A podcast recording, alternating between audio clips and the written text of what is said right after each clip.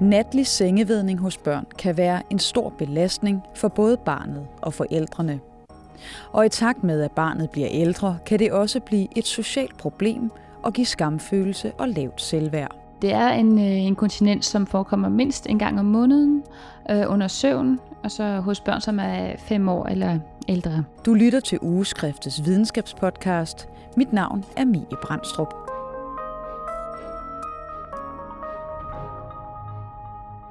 Jeg hedder Marie Priel, og jeg arbejder lige nu på børneafdelingen på Rigshospitalet. Ja, altså jeg arbejder som øh, reservelæge, så jeg er meget i øh, børnemodtagelsen og så i øh, dagambulatoriet. Marie Priel har sammen med Søren Ritti og Konstantinos Kamperis fra Aarhus Universitetshospital skrevet en statusartikel om natlig sengevedning hos børn, enuresis nocturna. Det er øh, alligevel en patientgruppe, som man møder oftest i ambulatoriet, øh, og de plejer ligesom at være henvist øh, egen læge, når de er altså fem år eller derefter, kan man sige, fordi før det, altså, altså betragter man det ikke som en uresis nocturna som sådan. Så på den måde kræver det, at man er den alder, og så øh, har egen læge også oftest forsøgt en form for behandling, og og hermed henvise barnet for ligesom at ja, udrede videre og give den bedste behandling.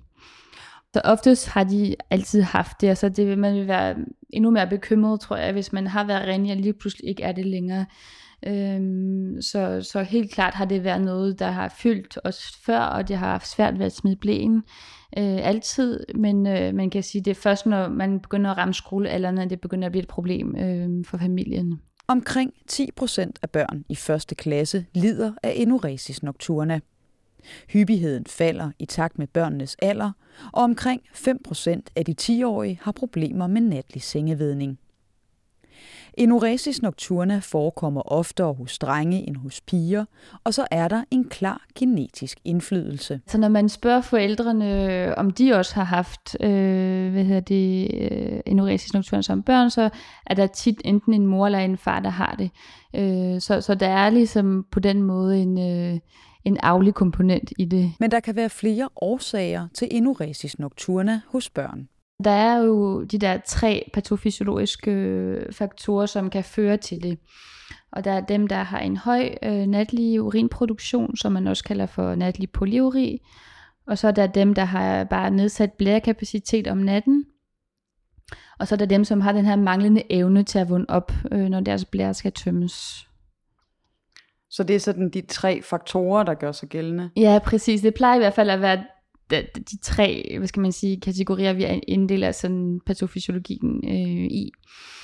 Og ved man noget om, om det typisk er den ene af de faktorer, eller vil det være opstå i kombination?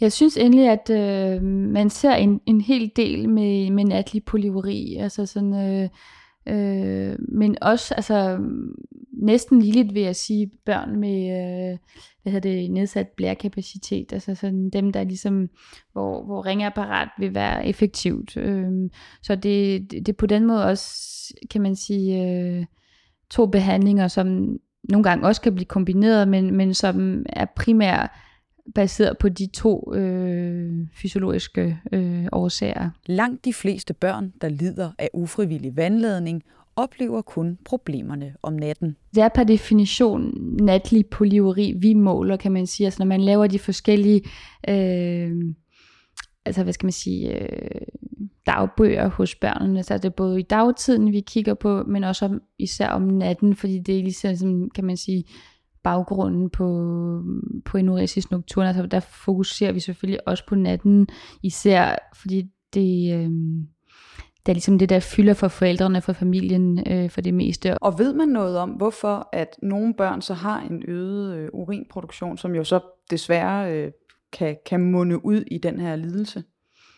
Ja, og det er så der, hvor det netop øh, er mere en, kan man sige, øh, hormonel øh, forstyrrelse, der gør, at øh, altså i den her ADH-produktion, altså øh, det antidiuretisk hormon, arginin hedder det, øh, som, som ligesom er forstyrret, og derfor gør, at de børn ligesom øh, producerer simpelthen for meget urin øh, om natten. Det er en hormonel ubalance, der er skyld i den øgede natlige urinproduktion, Men en anden fysisk faktor er mindsket blærekapacitet. Det kan være nemlig øh, vores det trusser muskulatur, kan man sige, der øh, måske ikke fungerer helt optimalt. Øh, og, og det er derfor, at man ligesom også skal bruge, øh, hvad skal man sige, øh, nogle forskellige præparater, som hjælper i forhold til at, at hæmme for eksempel nogle ufru, ufrivillige øh, det trusser sammentrækninger. Øh.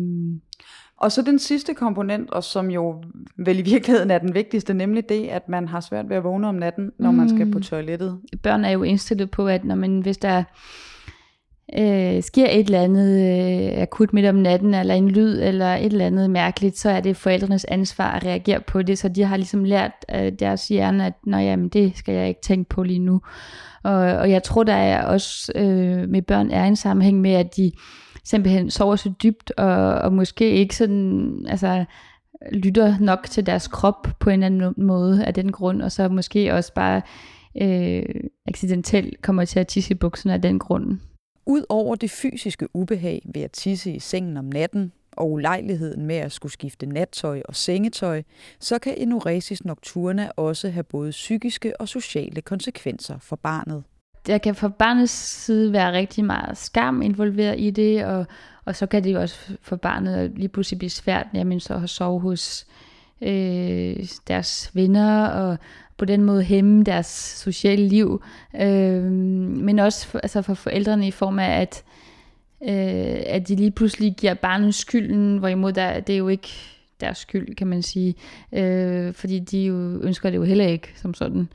Øh, så, så der kan bare komme nogle, som, ja, især nogle psykiske følger, som jeg tænker, at, at, øh, er, er vigtige at, at undgå, hvis man kan. Altså især når man kommer op i skolealderen. Sådan. Øh. Ja, og det er jo meget naturligt, at, at der også er en vis øh, skam øh, forbundet med det, fordi hvis vi taler om et, et 8-9-årigt barn, så, så ved de jo godt, at, at det, det gør børn på deres alder normalt ikke i hvert fald. Mm. Hvad, hvad, hvad taler I med børnene om, når, når de kommer ind og, og, og har de her problemer?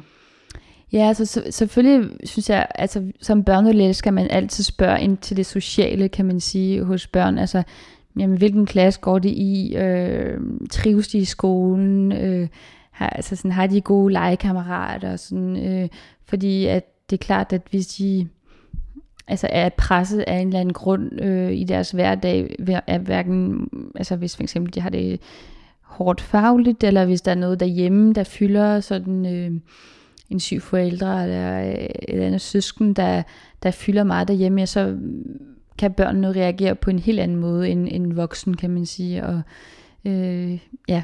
Så der er også en risiko for, at det kan være psykisk øh, betinget, altså hvis der er et psykisk pres i, den, i, i, i barnets hverdag, kan man sige. Ja, det tænker jeg i hvert fald, at stress kan påvirke øh, børnets evne til at ligesom, øh, ja, øh, at vågne op om natten. Gør I noget for at snakke med barnet om, om den her skamfølelse, som barnet kan føle ved at tisse om natten, selvom at, at vedkommende måske er en, en, en 7-8-9 år. Ja, det synes jeg i hvert fald, at, at øh, man, man skal fokusere på, fordi at det, vi siger også tit til børn, at der er rigtig mange andre børn i din alder, der også tisser op natten, og du er ikke den eneste, fordi det kan de nogle gange også selv føle lidt, hvis de er der 9-10 år gamle og er super flov omkring det.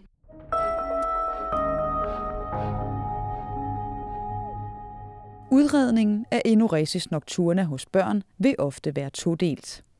Til at starte med bliver barnet og især forældrene stillet en række spørgsmål, der skal afdække andre og måske mere alvorlige grunde til, at barnet ikke holder sig tørt om natten. Altså der er igen lidt sådan to forskellige øh, veje. Så der er det, det, vi kalder for de minimale retningslinjer, og så er der de udvidede retningslinjer. Og, og man kan sige, at de minimale retningslinjer bør være det, man i det mindste gør, øh, for at finde den rette behandling. Og, øh, og det går selvfølgelig ud på at lave en, optage en grundig anamnese, og også fokusere på, er, er der nogle komorbiditeter, fejler barnet noget andet, som forstoppelse, eller bare UVI, altså sådan simpelthen bare en anden forklaring på, øh, hvorfor de tisser om natten.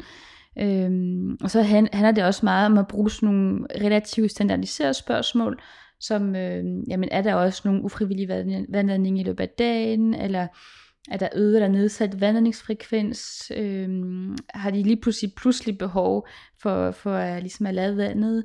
bruger de så nogle øh, kropsstillinger, der gør, at øh, øh, for ligesom at holde sig, øh, kommer der rigtig mange øh, vandringer lige efter hinanden, er der ligesom afbrudt urinstrøm eller andre sygdomme, som man har kunne påvise på, på deres urinveje, øh, som er bare sådan nogle hvad skal man sige, spørgsmål, man skal stille forældrene for at få en idé, hvor er vi henne her.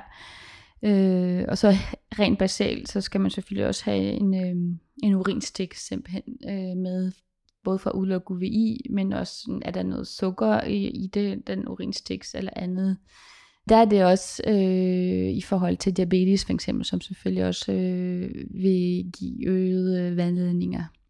Og i forhold til de spørgsmål, som du nævnte, som I stiller til forældrene, hvilke er særligt interessante i forhold til øh, enuresis nocturna? Mm, ja, altså jeg vil nok sige, at det, øh, for det første det der med adskillen, er der også noget dagtidssymptom involveret. Og også, jeg synes i rigtig mange tilfælde, er der, øh, altså børn er rigtig ofte forstoppet. Øh, så jeg synes det der med at være sikker på, at de har øh, normalt afføringsmønster, alligevel allerede også der er en god start, fordi ellers kan man ligesom behandle børnene på en helt anden måde, netop altså bare fokusere på deres forstoppelse, og så stopper deres øh, enuresis af sig selv. Øhm, så det synes jeg fylder rigtig meget. Øhm, så ja. det er vigtigt at få afklaret, at, der, at de ikke for eksempel har forstoppelse, fordi så, så kan det skyldes lige præcis det. Præcis, ja. Og det ser vi rigtig tit hos børn. Det næste skridt er at føre dagbog over væskeindtag, toiletbesøg og natlige uheld. Og det lærer forældrene jo hurtigt at kende, hvordan det fungerer, øh, fordi at man laver både nogle øh, til registrering af væskeindtag øh, og vandring i dagtiden, og det plejer man at udfylde over fire dage. Og så er der også selvfølgelig den dagbog, der registrerer mængden af urin, som barnet producerer om natten. Og det skal gerne være inden for en til to uger. Øh, simpelthen bare lige få, af, få af, afklaret, om der er noget, noget netlig polyuri involveret. Altså man skal virkelig være god til at skrive præcis, hvor meget man drikker øh, hele dagen, og der skal det være altså sådan målt i, i milliliter øh, simpelthen for at få det bedste, den bedste vurdering muligt, og, og det er meget, skal man, skal man sige, input og output, vi kigger på som, øh, som læger, altså passer det, eller er der noget, der, der ikke passer her, fordi man burde selvfølgelig, altså få øh, hvad hedder det, det samme input som, det, som output, kan man sige, i sidste ende, øh, af hvad man har drukket i løbet af en dag. Øh, så burde man kunne se, okay, men passer det sammen, eller Øh, og nogle gange er, har børnene også en tendens til at drikke alt for meget, før de skal i seng for eksempel. Og der er der helt klart bare noget at gøre der. Øh, ved bare at mindske øh, det. Altså sådan, fordi at det er klart, at hvis man drikker sådan en liter vand for altså sådan der ved 21-tiden, at det, så bliver det en, en lang nat. Og så, så siger du også, at øh, ud over væskeindtaget, så, mm. øh, så skal man også registrere, hvor meget barnet så tisser i løbet af både af dagen og, og natten, eller hvordan? Ja, lige præcis. Og der øh, er det nemlig også ret vigtigt, at, at forældrene sådan, øh, vejer øh, blæen før, at barnet har, tager det på, men også øh, der om morgenen, øh, når de vågner, simpelthen for, for ligesom at få en idé om, jamen, hvor meget har de egentlig tisset den her nat? Er det, er det rigtig meget, eller øh, er det sådan det, man vil forvente normalt? Øhm. Og er det for at kunne holde det op imod øh, væskeindtaget så? Ja, lige præcis. Det er simpelthen også bare for at få den her mest øh, ja, øh, eksakte øh, tal på, øh, om det passer sammen. Ja, fordi hvis, hvis det nu ikke passer sammen, hvad så? Jamen, så var, vil det være der, hvor man vil tænke, når man, der må være en form for forstyrrelse i den her øh, øh øget natlig produktion, øh, kan man sige om natten, ikke? Øh, hvis man ligesom producerer alt for meget i forhold til, hvad man har indtaget af væske. Øh, det vil sige, der er det en lidt mere, hvad skal man sige, øh, kompliceret øh, mekanisme i, i hjernen, i en, i en forstyrrelse i hele det her ADH, øh, øh, system, som ligesom, øh, fordi man kan sige, det er jo, det er jo alle de der hormonakser i hjernen, der kontrollerer øh, ja, hormonbalancen, og hermed også alt, hvad der foregår både i blodet, men også i vores organer. Så, så på den måde sådan, er der en forstyrrelse der, som gør, at, at, øh, at de så børnene lider af det. Og er der andet, I bruger til diagnostisering end, end de her dagbøger, hvor forældre og børn skal udfylde hen over en, en, en fire dages tid? Altså paraklinisk kan man også sagtens øh, begynde at overveje at lave ultralydsscanninger også af deres øh, nyere og urinveje. Men der er det selvfølgelig også mere, hvis man mistænker, at der er en, form, en eller anden form for misdannelse, der gør, at, at, øh, at de, de ligesom måske har øh, de symptomer af den grund. Men det normale vil være dagbøgerne, medmindre man har en mistanke om, at der er et eller andet sådan andet øh, Ja, det galt. vil jeg sige, at i hvert fald det, vi ligesom fokuserer allermest på, fordi det er ligesom en, en, øh, en god måde at, at finde den rigtige patofysiologiske årsag til, hvorfor barnet har øh, enuresis nocturna, og, og dermed har også øh, øget chance for at give den rigtige behandling. Som Marie Preel fortæller, så bruges dagbøgerne især til at finde uoverensstemmelser mellem barnets væskeindtag og den natlige vandladning, da det er en indikation på øget urinproduktion. Så øh, kan man ligesom se, okay, men har barnet natlig polyuri, fordi hvis det så er tilfældet, jamen så øhm, er den desmopressin for eksempel førstevalgsbehandling. Det er en meget effektiv behandling. Øh, der ses cirka effekt på 60-70% af børnene, når man giver dem øh, desmopressin på baggrund af natlig polyuri.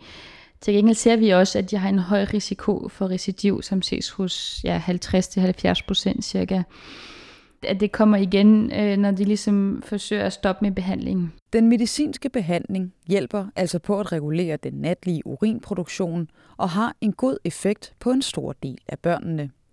Men i de tilfælde, hvor en øget natlig urinproduktion ikke er årsagen, vil man i stedet benytte et såkaldt ringeapparat. Hvis der slet ikke er noget natlig polyuri, så vil man helt klart anbefale ringeapparat. Øh, altså ringapparat er, er også rimelig effektivt, men det kræver sådan lidt mere tålmodighed, fordi det virker ikke lige så meget her og nu. Altså det er en lidt større opgave for familien, fordi at, at, at ofte, ofte skal man behandle mindst i 8 uger og maks 16 ifølge um, International Children's øh, uh, Continence Society, øh, eller at, indtil man har opnået de der 14 tør nætter. Så, så det kræver sådan alligevel en lidt større opgave, og det mm, er lidt, altså det har samme effektivitetsrate som det desmopressin, fordi næsten, og næsten halvdelen bliver tørt, efter øh, de har været på øh, ringapparat. Øhm, så, øh, så man kan sige, effektiviteten vil jeg sige sådan, er nogenlunde ens, men til gengæld så har man bare meget højere risiko for, at det kommer igen med den medicinske behandling. Hvordan er det, det her ringeapparat, det fungerer? Jamen altså, det virker sådan set bare med at væk, at vække barnet med en lyd, når urinen aktiverer en sensor. Og, øh, men der findes forskellige typer. Der er nogle små øh, kropsborgerne, øh, og, til, og der er også nogle, der er til montering øh, på madrasser. Den reagerer faktisk på få dråber, så normalt undgår, kan man sige, undgår man, at, at barnet tisser i sengen.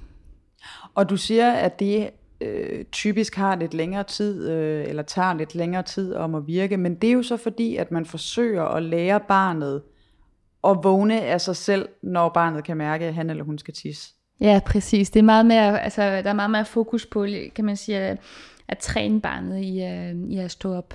Øh, og i starten kan barnet ikke stå op af sig selv, fordi de netop har så dyb en søvn, at det er forældrenes opgave at ligesom sige, når du hører den her lyd, så betyder det, at du skal på toilettet. Øhm, øh, så i starten er det meget forældrene, der er på, kan man sige, øh, fordi de skal ligesom lære barnet at reagere på den lyd.